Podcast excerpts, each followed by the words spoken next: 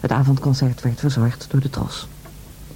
Het is 11 uur, dit is Radio 4. Ik ben Margriet Teunissen en ik ben zendercoördinator van Radio 4. En dat is de oorspronkelijk klassieke muziekzender van de publieke omroep. Maar klassiek moet je wel heel breed opvatten, dus ook met jazz en wereldmuziek. Typisch publieke omroeps kunnen weer geen keuze maken. Het is juist een keuze om dat te doen. En het is overigens door ook de zenderprofilering van de andere zenders... eigenlijk niet meer mogelijk om op de andere zenders echt veel aan wereldmuziek of jazz te doen. Nee, dat klopt wel. Zo hoor je dus nu af en toe op Radio 4 s'avonds dingen waarvan je denkt... nou, dat is in ieder geval geen Radio 4 wat ik nu hoor. Ja, dat hangt er vanaf als je het vergelijkt misschien met 20 jaar geleden. Maar dan zijn er wel meer veranderingen geweest. Vroeger had je nog hele kerkdiensten op Radio 4. Die zijn, er ook, die zijn ook verdwenen. En zo klinkt Radio 4 overdag best wel toegankelijk. En dat was een paar jaar geleden ook niet altijd het geval.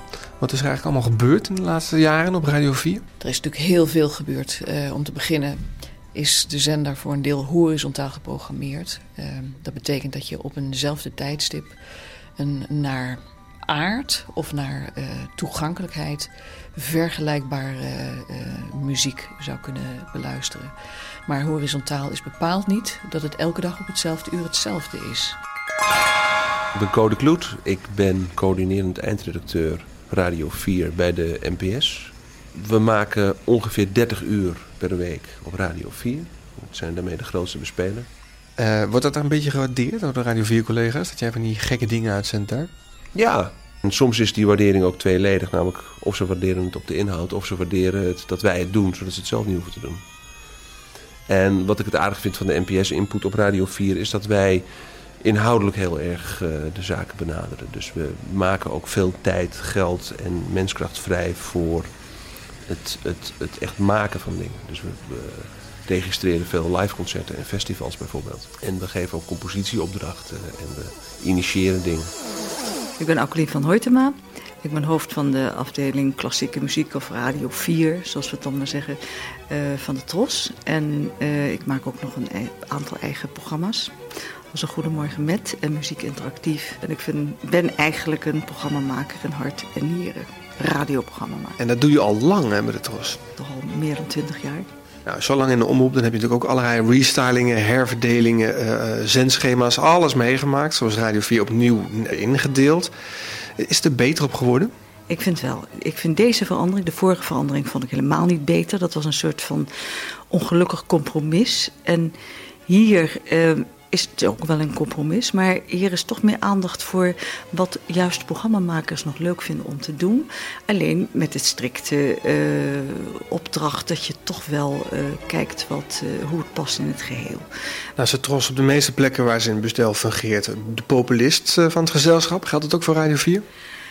in eerste instantie wel. we zijn er voor programma's die door heel veel mensen beluisterd moeten worden.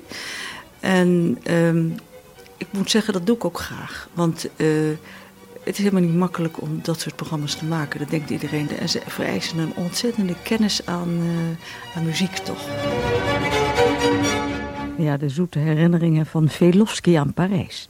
En ze spreekt zo mooi Frans. Dat was de zesde plaats. Op de vijfde plaats een nieuwkomer. Werk van Vivaldi en Handel, Dixit Dominis. En dat wordt uitgevoerd onder leiding van John Elliott Garner. We gaan luisteren naar Hendel. Mensen of luisteraars van Radio 4 zijn echte luisteraars. Dat zijn geen mensen die de muziek aan hebben als behang. Dus die kiezen dan heel bewust voor een programma. Dus dan kijken ze van nou wat is er op de tv, wat is er op de radio en dan maken ze een keuze. Dus met name in de avond zie je dat er veel uh, wat je noemt verticaal geluisterd wordt. Er wordt geluisterd uh, ja, de ene avond wel, de andere avond niet. Terwijl er bijvoorbeeld overdag veel geluisterd wordt in de auto of uh, net op het werk. Of als je net lekker thuis bent en even een krantje zit te lezen en dat soort momenten. Ja. Dus daar, daar moet je rekening mee houden met de programmering en met, met wat je aanbiedt. Stel nou dat er helemaal geen distributieproblemen waren, geen eterschaars, dan had het publiek om eigenlijk net zo goed een klassieke zender en een jazzzender op kunnen zetten, toch? Ja, en ook nog een wereldmuziekzender. Dat kan ook zeker. Ik bedoel, de BBC die maakt, eh, heeft nu net een, een begin gemaakt met uh, webradio. En dat kan je natuurlijk in feite, kan je, ja, een soort themakanaal voor radio, kan je natuurlijk zo opzetten.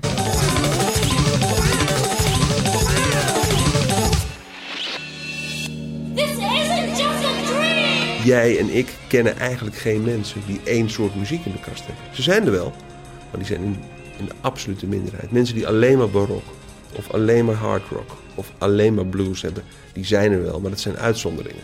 En op uitzonderingen moet je natuurlijk geen publiek bestel bouwen. Het is vier en een half minuut over vijf. A4 op Radio 4 gaan we even noodschieten. Zoals in het programma Brood en Spelen bij de AVRO. Wie kent deze muziek?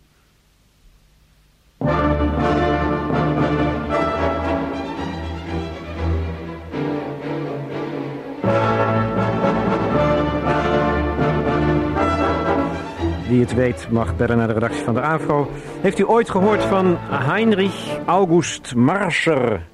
De klassieke muziek is altijd een onderdeel geweest van het publieke bestel. Hè. Dat genre heeft het gered, zullen maar zeggen. Terwijl diverse andere genres voor beperktere doelgroepen het niet heeft gered om hun eigen zinnen te verdienen. Ja, maar klassieke muziek is natuurlijk iets wat al eeuwen bestaat en waarschijnlijk ook nog eeuwen zal bestaan. Dat is veel minder trendgevoelig dan uh, alle andere uh, muziekgenres. Ik vind het uh, nog steeds een uitdaging om veel mensen te laten luisteren naar kwaliteit.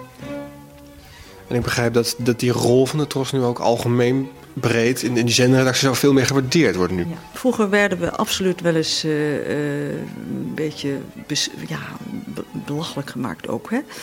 Langzamerhand hebben we toch een, een plaats veroverd uh, die nodig is. Ook het soort muziek wat wij doen is nodig. En ik geloof ook dat de anderen weten dat we daar heel serieus mee omgaan. En gewoon dat het belangrijk is voor een zender. Dat je niet een zender alleen voor de elite kunt maken. Zo'n dure zender, want dat is hij natuurlijk wel.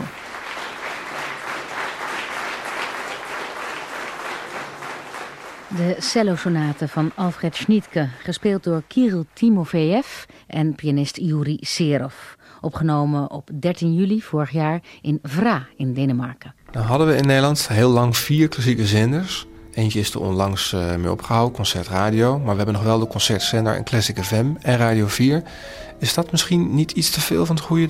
Nee, dat denk ik niet. Ik denk dat het, uh, overigens had Concert Radio ook rustig kunnen blijven als je kijkt naar de hoeveelheid. Ik denk de, het repertoiregebied is zo groot voor klassieke muziek. Klassieke muziek, wereldmuziek en jazz. Dat je, omdat het gebied zo groot is en de, um, de belangstelling zo gevarieerd is, daar kan je uren, uren radio mee vullen.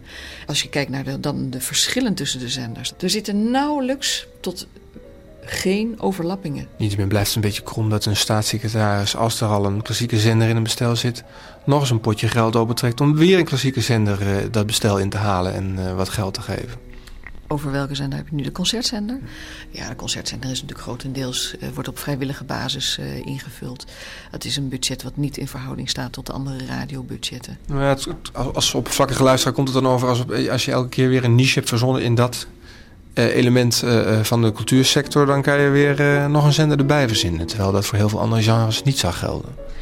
Ja, maar zoals ik al zei, is het, het repertoiregebied zo groot en ook niet vergankelijk. Hè? Als je naar Radio 3 kijkt of Radio 2 kijkt, dan heb je steeds muziek uit een bepaalde periode. En uh, dat heb je voor muziek niet, voor klassieke muziek niet. Daar heb je eeuwen muziek, eeuwen muziek. En eeuwen muziek betekent dat je, ja, dat je nooit genoeg tijd hebt om zeg maar, dat in de volle breedte te kunnen laten horen. Je hebt alleen maar, bij wijze van spreken, met een, een overaanbod te maken waar je heel nadrukkelijk uit moet selecteren. En als je dat selecteren nou op een manier doet waarbij elke zender een andere selectie aanvoert, en dat gebeurt, want Classic FM selecteert op hele andere criteria dan de concertzender en Radio 4. Dan is er dus geen enkel probleem. Het avondconcert werd verzorgd door de Tros. Het is 11 uur, dit is Radio 4. Ik maak er een sport van om uh, in vele oren en ogen onverkoopbare muziek toch gewoon uit te zenden. Omdat ik muziek zie als entertainment, schuine kunst, maar het is voornamelijk entertainment. Iets moet leuk zijn om naar te luisteren. They took a dog to snow cone and stuffed it in my other eye. And the husky wee wee, I mean the doggy wee wee has blinded me. And I can't see temporarily. Ik ben nog steeds nieuwsgierig of iemand die die van Ravel houdt ook een special voor jou over rockgitarist Steve Vai kan velen. Maar... En omgekeerd. Ik heb, kan je de brieven laten zien, dat gebeurt ook omgekeerd.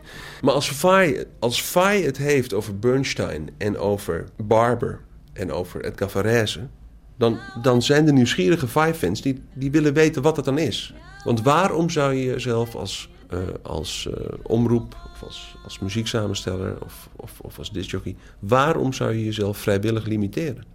Nou, omdat, omdat er in Hilversum en overal in Radioland een, een formatcultuur is uh, ja. binnengetreden. Ja, dat is een van de redenen, redenen om je dus niet te limiteren of te beperken. Omdat het om je heen wel gebeurt. Waarom zou je? Dat is ook een vraag waar ik ook nog nooit een antwoord op gekregen heb. Waarom zou je? Waarom zou je dat nou doen? Waarom zou je kinderen wijs proberen te maken dat er maar twee of drieduizend platen bestaan? Terwijl er, terwijl er 70 miljoen platen bestaan. Dan ga je een zender bouwen en dan ga je zeggen... ja, maar eigenlijk bestaan er maar 3000 die de moeite waard zijn. Dat is toch een, een soort vrijwillige armoede ja, het zijn de 3000 meest succesvolle naar hun idee, waarvan ze het idee hebben dat zoveel mogelijk mensen toestel aanhouden als die plaatjes gedraaid worden. Maar Radio 4 heeft die ambitie niet om zoveel mogelijk mensen mee te trekken. Als je naar Radio 4 luistert, dan krijg je ook een opvoedkundig elementje mee. Nee, maar het feit dat een grote keuze dus ook opvoedkundig zou zijn. Waarom? Misschien is het wel gewoon entertainment. Misschien is het wel heel entertaining om heel veel dingen te horen die je nog niet kent. Misschien is het wel heel erg entertaining om, om een heleboel verschillende soorten eten te ontdekken. Of een heleboel verschillende soorten mode te ontdekken. Vonden jullie het mooi? Ja, het is wel anders.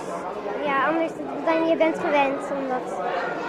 Had je deze muziek nog niet eerder gehoord? Nee, niet echt. Soms wordt het wel thuis gedraaid, zoiets. Maar is even wennen. En jij, vind jij het mooi? Ja, ik vond het hele mooie muziek. Omdat ik het bijna nooit hoor. En dan nu, het oordeel van juryvoorzitter Paul van Liemt. Radio 4, zeker voor ongeoefende luisteraars, en dat zijn er heel veel, is Radio 4 een lastig te hanteren zender. Als ze net in een stuk vallen dat op last van de dirigent pianissimo wordt gespeeld, denken ze dat er problemen zijn met de verbinding en draaien ze de volumeknop op volle sterkte. Maar na de altijd onverwachte aanzwelling van het orkest brengt een oorverdovend lawaai ze terug in de werkelijkheid. De knop gaat vliegensvlug omlaag. Voor de buren, voor de buren uit de aanpalende Phoenix-woning de politie bellen wegens geluidsoverlast. De echte luisteraar, dus niet die van het behang, weet wel beter en geniet zich suf.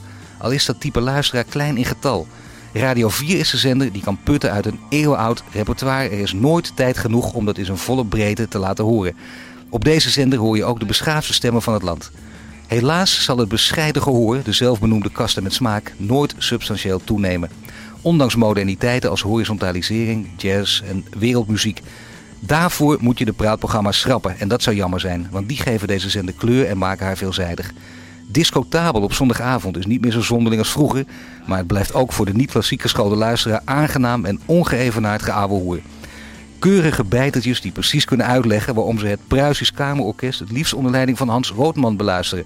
Ze het Nash Ensemble of Londen met Lawrence Power op altviool het meest waarderen. En waarom de directeur van het Parijse conservatoire Luigi Cherubini zelfs wonderkind Lies niet toeliet.